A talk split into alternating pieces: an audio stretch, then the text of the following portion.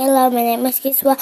I want to read story Jumping Over a Star. Let's go. Can you jump over a star? The frog leaps on spring. It can jump as far as a star. The sheep leaps frog from the bram in can read a star.